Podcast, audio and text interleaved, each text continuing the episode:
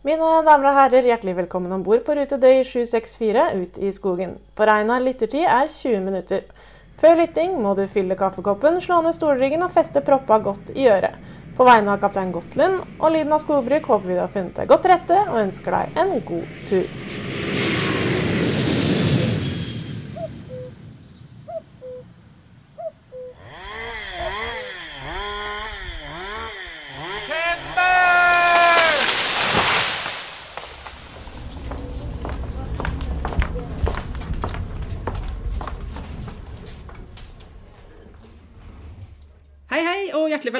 Til en ny episode i podkasten Lyden av skogbruk. Jeg heter Britt Gottlund, og jeg er daglig leder i Kvinner i skogbruket. Og som vanlig, og så heldigvis, så har jeg jo podkastvertinner med meg. De ler litt eh, ved siden av her. Vi i kohorten, podkastkohorten. Ida, Vaffelsteker. vaffelsteiker i dag. Kjempefint. Og Gunvor. Vaffelspiser. Det er en bra arbeidsfordeling. Ja. I dag skal vi presentere en av skogbrukets aller tøffeste. Skikkelig rivjern. Et rivjern kaller seg sjøl for eh, hva er det, løsarbeider. Ja. Det, det skal du ha litt eh, sjøltillit for å gjøre. Det er Jannicke som er en av de aller dyktigste instruktører vi har i aktiv skogbruk. Eh, uten til forkleinelse for noen annen instruktør, men jeg tror hun er kjempeflink. Mm. Og vi har jo sett henne på film nå, da. Mm. før vi eh, begynte å spille inn her. Og har laga noen instruksjonsfilmer som ligger ute på YouTube. Men hva med intervjuet, da? Vi har jo lytta til det. For vi har jo Vi, jo sånn, eh, vi jukser jo. Vi prater jo med deltakeren først. Ja. Og så later vi som vi prater først. Mm. Hva syns du om eh, å være løsarbeider i skogbruket? Jeg syns det her var ei dame som jeg egentlig ikke helt skjønner hvor hun får all tida fra. For mm. hun hadde jo, har mange baller i lufta og gjør veldig mye forskjellig. Eh, Det er den skogbiten, den skjønte jeg jo. Men mm. hun nevner jo det at hun er eh, hun kurser folk i feltkontroll. Og Ida, du er jo litt ekspert på det. Vi har funnet ut at du er den mest av oss som, eller som har mest kunnskap om dette her. Kan du forklare hva det er? Eller hva det innebærer? Eh, ja, altså eh, For eh, når folk jakter eh, si elg, Mm. og noen av laga kanskje gjerne vil ikke trenge alt kjøttet sjøl, så må det kjøttet kontrolleres før de kan selge det videre til noen. Mm. Eh, og det da Jannicke driver med, er rett og slett å kurse kontrollører av sånn eh, Vinen av, river i av veggene. viltkjøttet, rett og slett. Ja. Ja, for dette sleit jeg litt med når jeg skulle forstå Jannicke, da, for jeg trodde at hun reiste rundt og kontrollerte viltet til folk. Jeg. Ja. Men hun er jo et hakk. Hun er jo kursinstruktøren. Mm. Men veit du, Ida, du jobber jo med de her tinga i Eidskog kommune i forhold til eh, vilt, gjør du ikke det? I Jobben din? ja, akkurat Øh, Jo, ja. Ja. Er det mange lag som har sin egen interne kontrollør, eller? Det, det vet jeg ikke. Eh, Jeg vil nok tro at det er noen av dem som har det. Nå har ikke jeg så fryktelig god kjennskap. Nå er jo jeg fortsatt litt fersk i jobben min. Ja. Mm. Eh, Så jeg har ikke like god kjennskap til åssen de forskjellige laga praktiserer. Men jeg vil tro at noen av dem har det, Mm. og at det er noen som selger videre. Og så har vi jo Det er godt mulig jo at det er noen som har si avtale med si Maxivan eller noe sånt Mm. for videresalg, og det er mye, Ja. Ja. mye greier der, da. Mm-mm. Og Maxivan, det er da en lokal eh, Skal vi si? En, eh, Catering-kokk. Ja, kokk, og han lager produkter av elge, elgkjøtt. da. Mm. Trivelig kar. Artig kar som kjøper inn slakt, og han, har jo, han er jo kontrollert og godkjent i alle bauger og kanter, så han har jo muligheten til å sjekke det kjøttet. da. Mhm. Men det er altså en av de tingene som Jannicke driver med. Ja. Mm. Og så er hun instruktør i aktiv skogbruk, og dette forklarer jeg jo veldig fint i, i intervjuet. Ehm, Så skal vi egentlig bare sette over, for det er en veldig interessant eh, person å lytte ja, til. veldig. Gled dere. Ja, og jeg har visst om Jannicke i veldig mange år, men det var første gangen jeg pratet med henne direkte. Mm. Mm. Da setter vi over til intervju med Jannicke. Ja, da har jeg ringt opp en person som jeg har hatt lyst til å prate med lenge. Og hvem har jeg kommet til nå? Det er Jannicke Modell Rømen her. God dag, Jannicke. God dagen. Hvem er du? For lytterne våre? Ja, si det, du. Jeg, jeg bruker å kalle meg litt sånn løsarbeider eh, i skogbruk, da. Jeg har mange forskjellige jobber innenfor skogbruket. Helt til i Agder. Litt inn i indre Agder, eh, da. Driver gård der i lag med mannen min. Um, og ja, mye skogbruk på, her på gården òg, da, men i tillegg så diverse eh, små jobber, eller hva skal vi kalle det, små stillingsprosenter i forskjellige jobber innenfor skogbruket. da. Ja, men du skarrer veldig lite på r-en til å være sørlending? Eller er du ikke sørlending, kanskje? Nei, jeg har ikke klart å lagt om til denne skarringa ennå, så jeg hold, prøver å holde på trønderdialekta mi. ah, så du er en trønder som har flytta til Agder?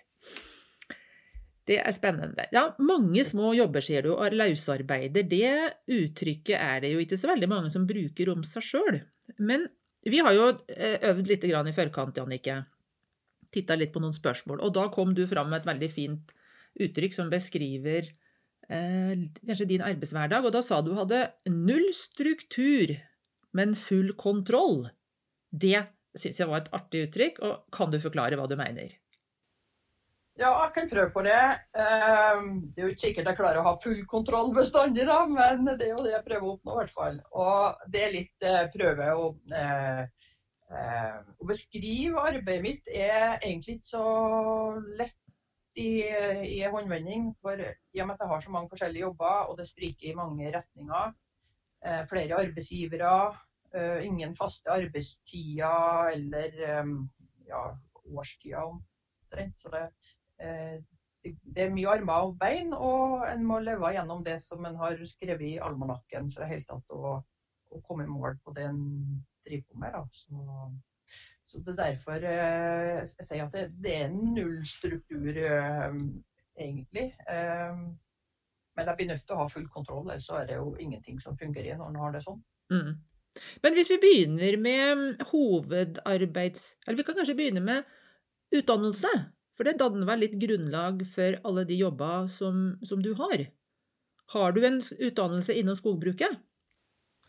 Jeg har det. Jeg har det som kalles for uh, høgskolekandidat i skogbruk, eller skogingeniør uh, da, fra, fra Steinkjer, den gang det var eh, sånn utdanning der. Og så altså, sånn treårig høgskoleutdanning i skogbruk. Mm. Um, og så bedt på med ett år med miljøkunnskap i, på høgskolen i i Bø, eller Innlandet som det heter nå.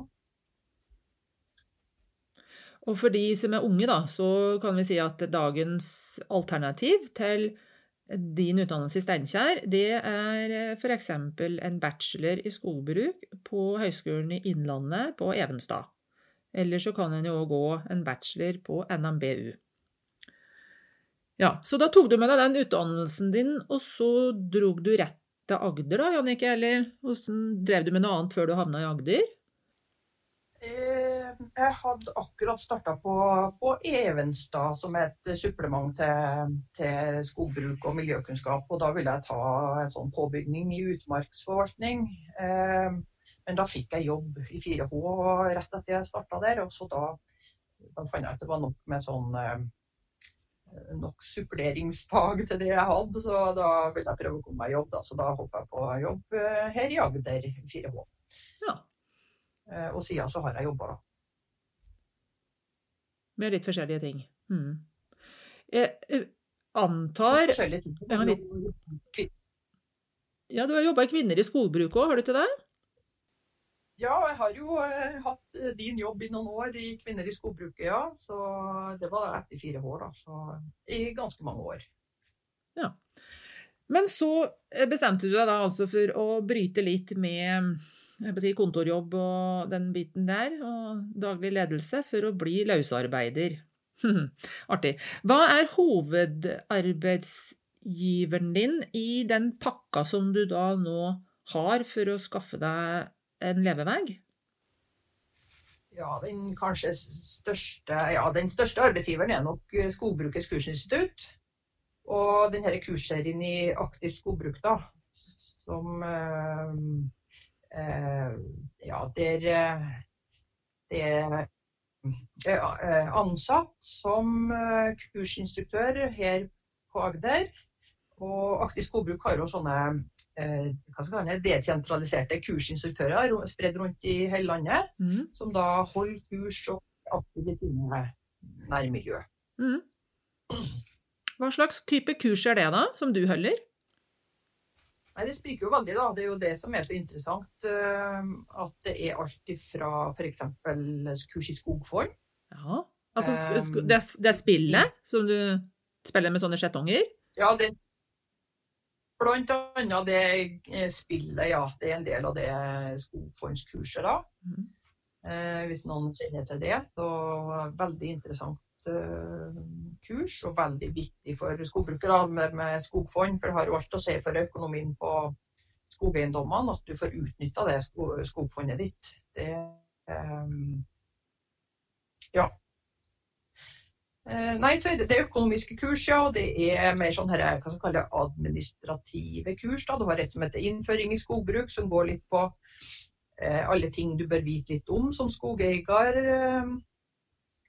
Eh, eh, fra biologi til lovverk til økonomi og bare sånn lett innføring i skogbruk. Så for en nybegynner Mm. de er den eh, praktiske kursene der du rett og slett eh, lærer et eh, håndverk, om det er å bruke motorsaga og høyt tømmer, eller om det er å plante skog, eller bruke ryddesaga til å, å pleie ungskogen.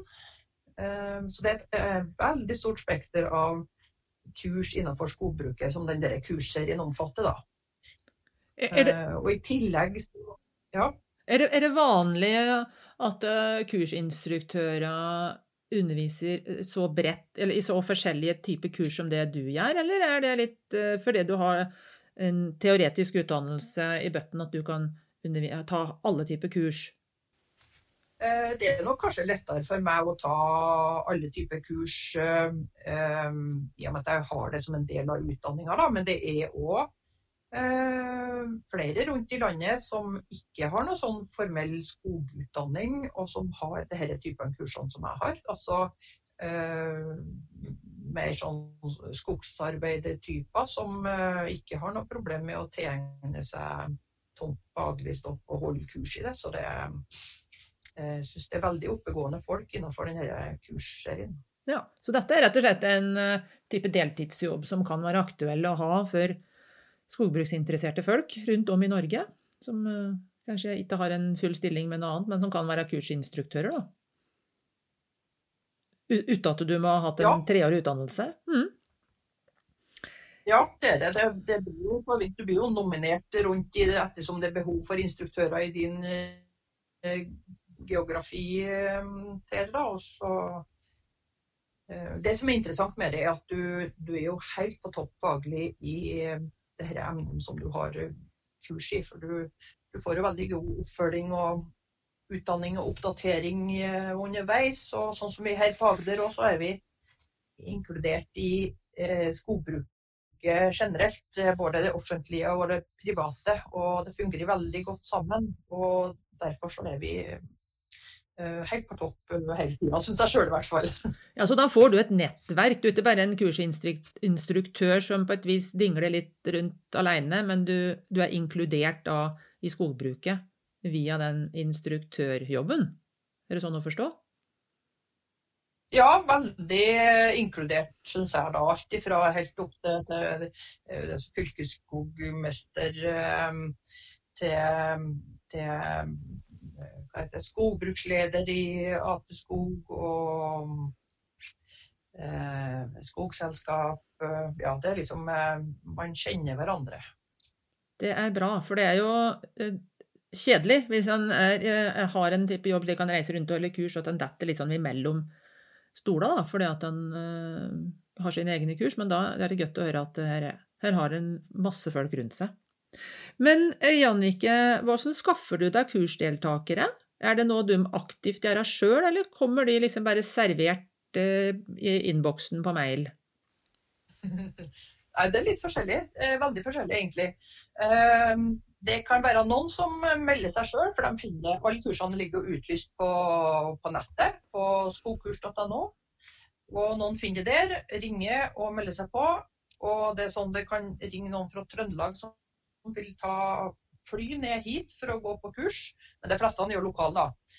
Eh, og så kan det være landbrukskontorene som tar opp kurspåmelding og er veldig aktiv og markedsfører det.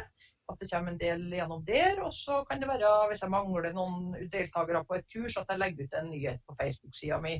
Annonserer og sier at det er ledig. Nå er det to ledige plasser, mellom dere. Så kan det komme noen der. Så det er veldig forskjellig, egentlig. Hvor mange har du på kurs i snitt, da? Eh, ja, da tenker du kanskje hvert, hvor mange deltakere det kan være på Ja. hvert kurs, eller? Ja, hvor mange må en være for at det blir et kurs, og hvor mange kan en maks være? Ja, sånn ja. På de praktiske kursene så er det jo veldig begrensa hvor mange vi kan være av sikkerhetsårsaker med farlige redskap og sånn. Og så på motorsag- og ryddesagkurs så er det, må vi være minst fem for å kjøre kurset. Og så er det egentlig maks seks. Til nød kan det gå med sju. Um, men det er jo helt maks. Mm. Fem eller seks, da, rett og slett. Ja, det, det er det. Men på de mer teoretiske kursene, sånn skogfond og sånn, da, så kan jeg jo ha tolv deltakere. Og på plantekurs så kan jeg jo ha noe sånt. Så, det, så da er det ikke så nøye igjen. Men med, det som er med aktiv skogbruk, er at vi, vi er nøye på at det ikke skal bli for mange deltakere. For at det skal være eh, Du skal sitte igjen med en, en, eh, kunnskap som er Eller en, eh, på de praktiske kursene sitter igjen med en ferdighet òg etterpå, da, at du får lært opp hver enkelt eh, best mulig.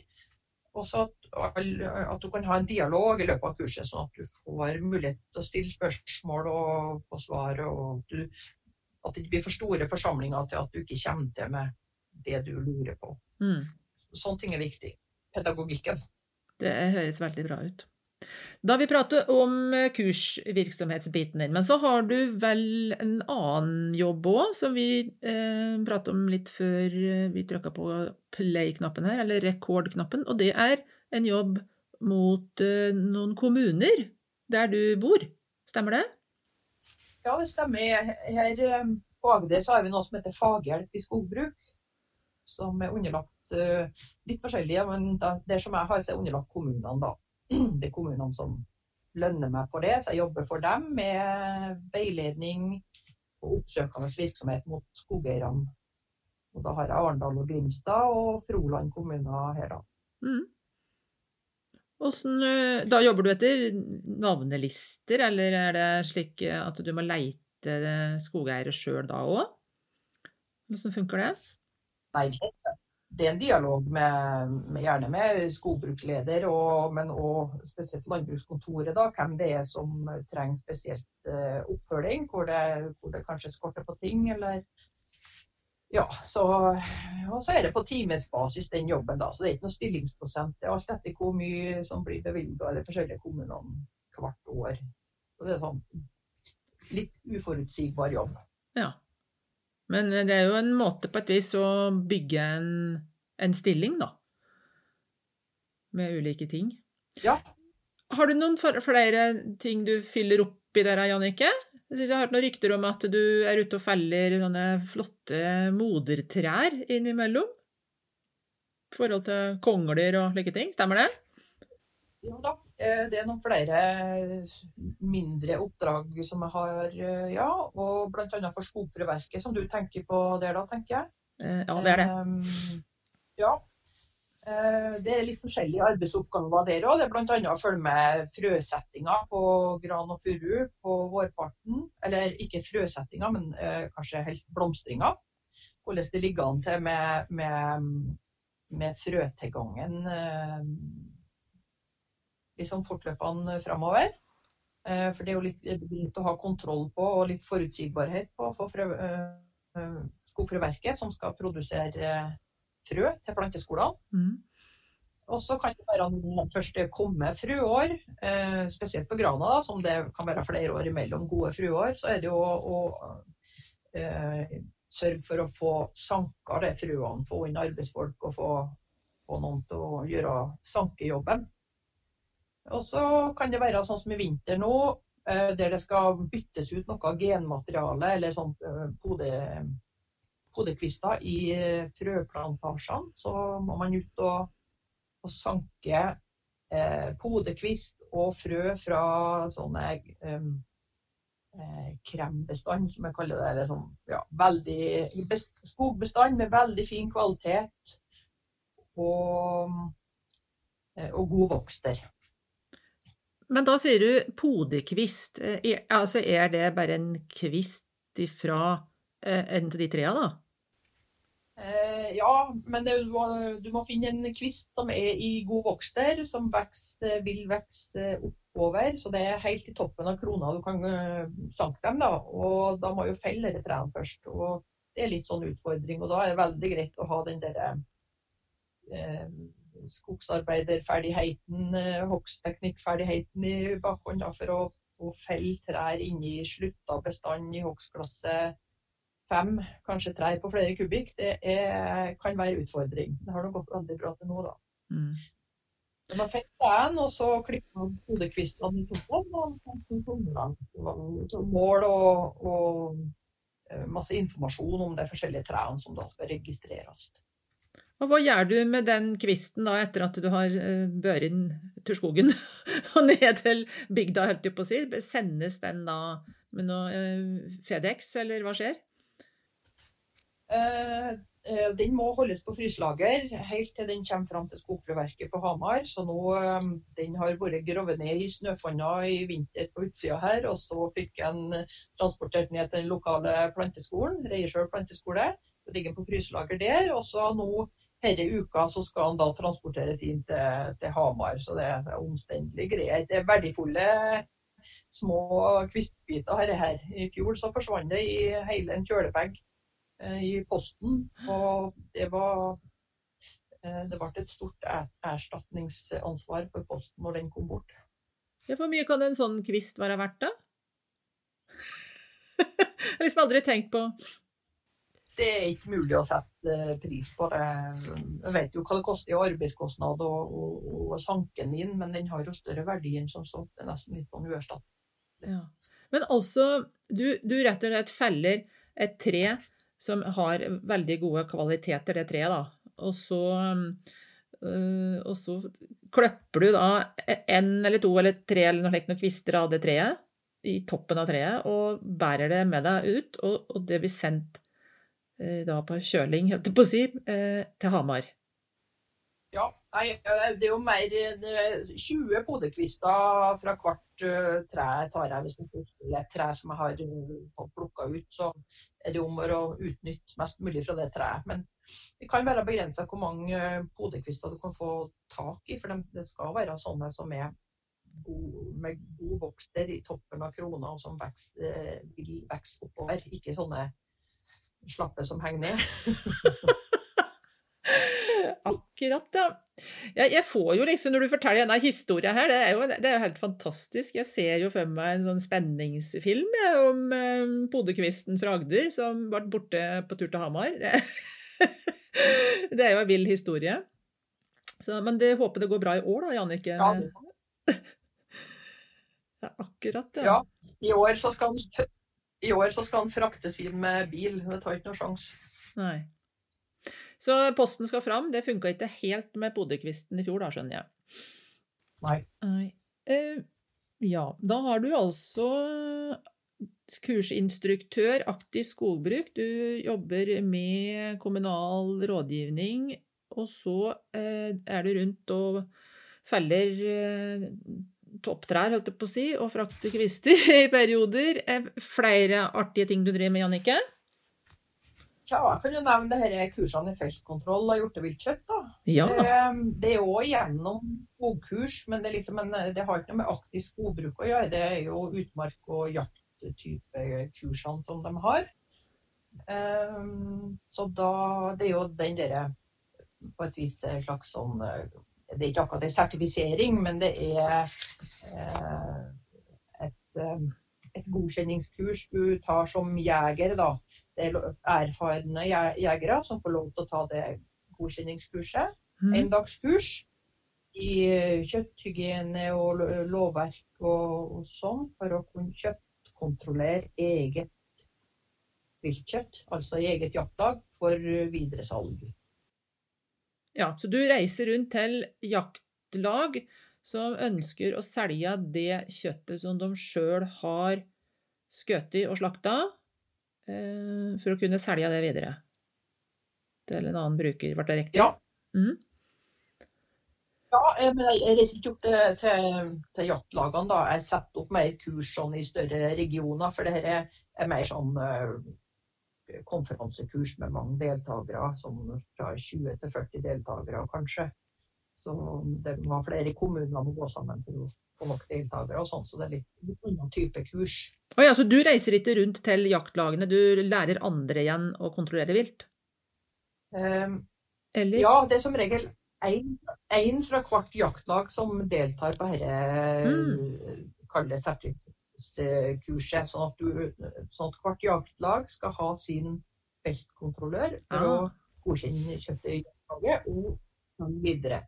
Så jeg setter opp kanskje et kurs i, her i Froland kommune, og så kommer det deltakere fra hele Agder. Sånn fortrinnsvis én eller to fra hvert jaktlag. Da. Da skjønner jeg. Akkurat, så det er en kursvirksomhet. Mhm. Men du Jannike, du som har så mange jobber og er avhengig av å møte folk og ha deltakere, hvordan har korona eh, påvirka din arbeidshverdag? Eh, Ja, det kursvirksomheten er jo hardt ramma, da. Så har jo vært permittert en runde i fjor vinter, og nå i, i vinter igjen. Og da må man jo gå på Nav, da, og der er jo veldig begrensa hva du får av eh, lønn der. Så, men noe, noe kompensasjon er det jo. Altså, det er jo veldig greit å ha den eh, backupen i Nav, for det var helt stopp i kursvirksomhet eh, i to perioder. Mm. Nå da, tror du? Hvordan ser det ut nå framover? Nå er vi altså i april 2021, og folk har jo begynt å bli vaksinert. Samtidig så er det jo mange som eh, Det er fortsatt mye smitte rundt omkring i Norge. Hvordan, hvordan løser de det nå? Nei, nå er det åpent for å ha kurs igjen, da, med visse begrensninger. Og, men det er jo rett som det er kursdeltakere som kommer i karantene eller er smitta. Og jeg sjøl kom i ventekarantene hele forrige uke. Hadde satt opp kurs og måtte bare sjukmelde meg da for å holde meg hjemme. Jeg fikk eh, tatt en test som var negativ, heldigvis. Mm. Så hun hadde jo, har òg noe matservering hjemme på gården her. Det er jo enda en ting jeg driver på med. Ja. Jeg hadde jo bestilling på matring eller catering da, og det måtte jeg bare si fra meg. Det var jo direkte tap. Så det gikk bare bare. Men det, det Nå kan vi heldigvis ha kurs igjen. Og litt omstendelig å holde kurs med smittevern og, og sånne ting. Og litt uforutsigbart. Men det, det går i hvert fall. Så det er bare litt mer arbeid å gjennomføre kursene. Mm. Skjønner. Eh, jeg skjønner jo det at eh, det å ha mange småjobber, det er en måte å bygge en, en, en arbeidshverdag på. Det gir både gleder, og det gir noen kanskje sorger, det skal jeg ikke påstå, men noen utfordringer i hvert fall. Jeg tenker på mange som skal velge seg et yrke, er jo opptatt av lønn. Og lønnsnivå, og hva kan jeg tjene, og hvilke goder har jeg, hvilke rettigheter har jeg. Kan du si litt om din hverdag, da, slik som du har organisert arbeidene, dine? Ja, det er litt om, så lett å gi en oversikt på, men jeg er jo bonde i tillegg sånn selvstendig næringsdrivende år da, i en liten stillingsprosent. Og så jeg jo, er jeg ansatt i, i noen arbeidsstillinger. Um, eh, men når du har mange arbeidsgivere og en sånn kabal som skal gå opp hele tida, så er det nesten ikke mulig å få ei sånn veldig god årslønn. Så eh, jeg har på et vis gitt litt avkall på det, da, for å ha den friheten som jeg setter pris på med ikke full eh, jobb og muligheten til å ja, ta litt på sparket og gjøre de tingene som jeg liker veldig godt på fritida, i større grad enn andre, kanskje. Mm.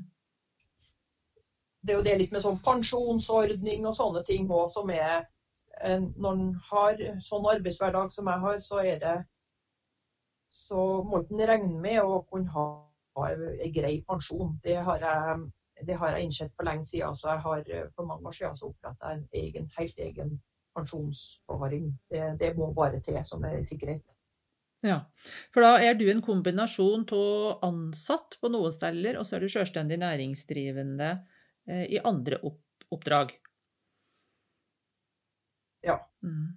Og da er det vel en utfordring sånn kanskje å beregne skatt òg, for at eh, noen har mange mindre oppdrag, og så kan det jo skatte sånn tabelltrekk med småopp, småjobber. Det kan jo komme veldig galt ut, har jeg erfart sjøl.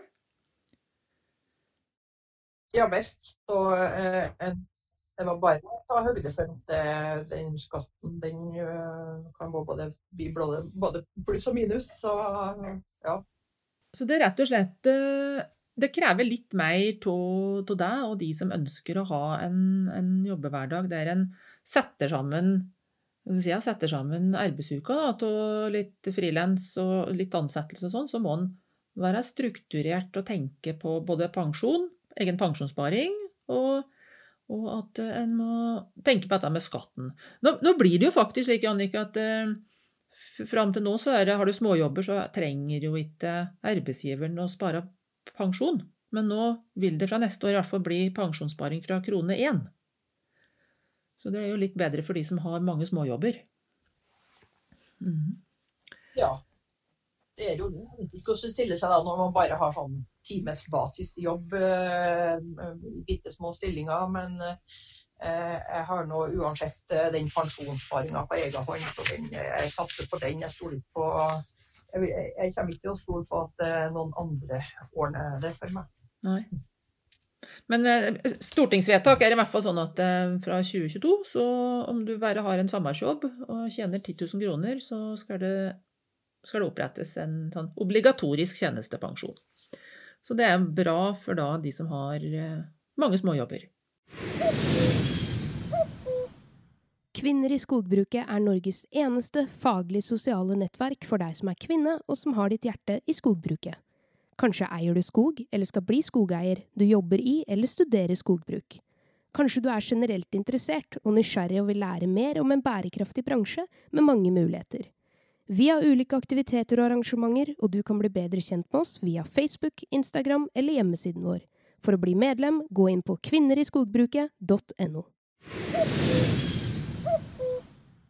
Men nå skal vi se, vi har jo en jukselapp her med litt spørsmål på, og så lurer jeg litt på hva slags utstyr eh, bruker du i arbeidshverdagen din? Sånn, sånn praktisk eh, utstyr. Hva må du liksom ha i, eh, bak i bilen på si, til enhver tid for å løse arbeidsoppgavene dine? Ja, jeg bare lurte på om vi kunne bare forfølge den der forrige temaet litt. Det skal vi gjøre. Før vi hopper over. Hva sa du? Vi hopper over? Ja, før vi hopper på det nye spørsmålet, og vi bare kan forfølge litt det, det tidligere vi, vi snakka om. Ja. Tenker du på noe spesielt? Jeg har tenkt på den motivasjonen min eh, for å på et vis ha ei Ikke kunne klare å komme opp i ei anstendig årslønn, da. Helt korrekt. Og, og ha den derre Ja. Um, så, så, for meg så er det jo eh, veldig vanskelig å komme opp i ei anstendig årslønn. Men eh, nå er det helt bevisst at jeg har valgt bort det, i hvert fall sånn som jeg eh, prioriterer det nå. Så, så, har jeg veldig fri arbeidshverdag, bare jeg leverer på det jeg må. Og så har jeg òg fritid til å kunne ja, sånn, eh, improvisere litt på, med jakt og friluftsliv. Og, ja, så hvis jeg sitter på hjemmekontor en, en dag da, og, og, jobber med litt rådgivning, rådgivning til en eh, skogeier f.eks., og så kikker jeg ut vinduet og ser det florerer med, med duer nede på kornåkeren, så, så, kan jeg bare hive meg ut med hagla og, og jakte duer noen timer. Så er, det er veldig bra. altså sånn. Jeg liker den der friheten der. Og det er jo noe som en tenker at hvert menneske skal ta med inn i betraktning da, når en velger yrke, for vi har jo forskjellig motivasjon for å, for å gå inn i arbeidslivet. Noen, for noen er det veldig viktig å tjene bra med penger og ha stabilitet og vite akkurat mye en får på konto hver måned, til pensjonen blir spara, du har den biten der. Og for andre så, så er dette her med, som du forklarer, da, å kunne bråbestemme seg for å gjøre noe helt annet hvis sola skinner, eller eller duene flakser på jordet. Så jeg tenker det er opp til Altså det å kunne sette av én til to måneder på høsten til hjortejakt og elgjakt, og der ikke du har noe særlig oppdrag å, å, å, ta hensyn til. Så den friheten der å kunne sette av en lengre periode bare til jakt og friluftsliv. mm. Nesten, da. Ja. Eller om en eh, det er helt andre ting en har lyst til å drive med en del av året. Om det er å gå Norge på tvers holdt jeg på å si, på det smaleste eller breieste, eller om det er å dyrke drivhuset, eller Men det er jo liksom den Det du får, og så prisen er at, eh, som du sier, at det er litt eh, varierende månedsinntekt, sikkert, og totalt sett lågere lønn enn det en kanskje kunne forvente da, med den utdannelsen som du har. Mm. Men da, vet du, da er jeg nysgjerrig på hva du har baki i bilen til enhver tid for å løse arbeidsoppgavene dine og gjøre det du bråbestemmer deg for. Ja, jeg prøver å ha det litt ryddig bak i bilen. Jeg, da, I motsetning når han hjemme her bruker den, så er det mer som en sånn kompost baki der. Men jeg, jeg liker jo å ikke ha der. ja. ja. Nei, men eh, eh, ja, arbeidsredskap. Jeg jo selvfølgelig diverse motorsager som jeg bruker både hjemme i tømmerhogsten på gården og når jeg skal ut og ha kurs. Og da liker jeg å ha litt forskjellige typer motorsager. Både noen små, lette noen, og noen til litt tyngre til tømmerhogst.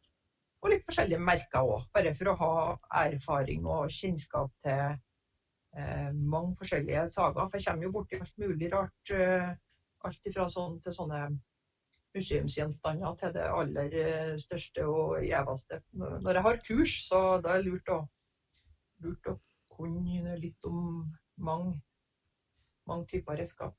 Mm. Og har jo selvfølgelig ryddesaga. Eh, eh, ja, mye forskjellig hjelpeutstyr til, til hogst. Alt fra sånt eh, til trampejern, som er min um, si, favoritt. Når jeg skal felle tre, så er det bare trampejern jeg bruker. Og så har jeg ei kile i bakhånda i beltet i tilfelle jeg blir for lein med den med trampejernet. Mm. Um, jekk, f.eks. til store trær, hvis det er noe som er vrangt å få ned. Um, jeg har en del plantespett eller hva det er, hullpipe på fagspråket. Så jeg òg kan låne ut litt når jeg holder kurs, da. Da fortsetter vi. Jannicke, når du forteller om at du har et bredt utvalg av sager, da lurer jeg på hvor stor bil har du? Jeg har en sånn der Volkswagen Transporter av den der lengste typen. Så der går det Det er sånn at hvis jeg er på jakt, så går det an å legge en en madrass inn der og overnatte. I tillegg til da kan jeg stikke fotene innunder bikkjeburene. Ah. som er i etasjen. Ja, det er jo morsomt da når du Jeg tenker det er et sjekketriks, da. Det er liksom sånn Skal du bli med bort og dra på si døra, på sidedøra sikkert, og så vise fram motorsagene mine? Det er, det er litt gromt, syns jeg. At folk har noe annet enn bare håndvesker bak i bilen. Mm. Ja, nei, da har jeg fått et overblikk over hverdagen din, Jannicke. Det, det, jeg skjønner at det er stor variasjon. Det er i hvert fall helt sikkert. Hvis ja. vi nå skal runde litt av, og så eh, tenker jeg at eh, noen som har lytta her, eh, ser for seg at eh, de ikke passer helt inn i en sånn dyp eh, A4, 100 eh, her skal du jobbe, den døra skal du gå inn hver dag, og så skal du gå ut igjen her samme døra, eh, slik en ca. åtte timer seinere. Eh, og heller ønsker å prøve å få til en en arbeidshverdag med, med den type variasjon som du har, da, eller noen av elementene fra din hverdag. Hva vil du si avslutningsvis er største, den største gleden du har i arbeidshverdagen din med å ha det sånn? Eh, ja, hva skal jeg si til det? Jeg har ikke tenkt så mye over. Men jeg har jo snakka litt om den friheten, da. Det at jeg kan eh, stikke av gårde og, og, gjøre det som jeg liker veldig godt uh, innimellom. Um, men så er det ja, det, jeg kan si også det, det med å, å komme rundt til veldig mange forskjellige plasser. Avsides grender eh, rundt i ja, flere fylker. Det hender jeg kommer ut av mitt eget fylke òg for å, å, ta oppdrag der. Eh, møter mye forskjellige folk. Kjempeinteressant. Som regel veldig trivelig. Mm, ja, det tror jeg på. Mm. Ja, og så er det òg det med faget. Og um, um, ja, hva skal jeg si? Jeg har jo den utdanninga mi i bakhånd, og jeg brenner jo for skogbruk. Og det er forferdelig interessant. Og jeg føler det at i, alle disse jobbene til sammen, så får jeg brukt faget mitt veldig. Og jeg får være helt på topp i mange forskjellige fagområder innenfor skogbruk og jakt og utmark. Um, og jeg får prøvd meg i å um, videreformidle det til andre mennesker uh, som er i opplæring. Og det er veldig givende. Mm. Jeg syns det var en veldig fin avslutning på en interessant prat. Tusen takk for praten, Jannicke. Jeg ønsker deg all lykke til. Og så får vi håpe at eh, koronaen bare forsvinner nå med vårsola, slik at du kan ha masse folk på kurs framover. Ha det bra! Takk for det. Ha det, ja. Ja, eh, her har vi hørt om ei dame som driver med veldig mange spennende ting. Ja. Og likevel, så det vi lurer absolutt mest på, Ida Hvor har det blitt av po eh, postpakka med podekvistene? Den forsvunne kjølebagen. Ja, ja, ja. Åssen er det mulig å rote bort podekvist i posten? Alt er vel mulig, da, kanskje. Ja. Men det er jo Men hvor er de? Ja, jeg står på en eller annen slags eh, terminal. Alna, eller når de har sånne store postterminaler. Ja, ja, ja. Ja, der postpakker går, drar for å dø. holdt jeg på å si. Ja. Meg. Der ligger det eh, 20 uerstattelige podekvister. Nei, Ja. men altså fra spøk til side, da. Det er jo, det er jo litt eh, trasig. Absolutt. Jeg har Mm. faktisk sett på en vi- eh, en video som eh, Jannicke la ut på Facebook-sida si, der hun drev og var inni denne her tette skogen som hun beskriver, med masse store busker og trær da, som hun skulle felle, og så hun drev og smøg og fikk det ned. da. For der skulle det hentes kvister. Så ja, posten skal fram, heter det, men eh, Ikke støtten kommer fram allikevel. jeg vet ikke det, vet du. Men nå har de blitt klok av, skade, da. Så nå mm. er det bil. Med skuddsikre vinduer og bedre sikkerhet enn Erna, antageligvis. Og da skal den da fra Jannicke i Agder, og så skal den til Hamar. Mm. Det er vel der det skjer, da? ikke det? Jo, den driver da på på skogfrøverket. Har noen av dere vært der? Mm. Ja, fortell, da. Nei, det var jo mye podetrær, da. mye frø. Nei, vi var der på ekskursjon, ekskursjon på skolen eh, på Ås, da. Så vi fikk en liten innføring der. Og så har jeg jo hatt har jeg en veldig god venninne som jobba der. Mm. Så fått en del eh, Hun var faktisk ute da jeg jobba i Vikenskog. Så var hun med meg ut. Da var jeg felte jeg et ganske stort område med veldig mye fine trær. Med masse bra genmateriale. Så da eh, tilkalte jeg eh, Birgit, da, venninna mi, og hun kom med, med utstyret sitt og samla inn eh, masse eh, Ja, det hun trengte da, for å ta det videre til Hamar. Og så Kongler eller podekvister den gangen? Det var vel egentlig kongler, Ja. og så tok hun med seg det oppover. Og Mm. forhåpentligvis blir det masse fine frø som blir til masse bra planter. ja. Men altså, hvor er den kjølebagen? Nei, det Det er neste års påskekrim. Ja. Var det det vi fant ut? Ja. Vi oppfordrer alle lyttere til å skrive manus til Ja. 'Den forsvunne podekvist'. Leite etter den bagen, kanskje første omgang, og så Ja.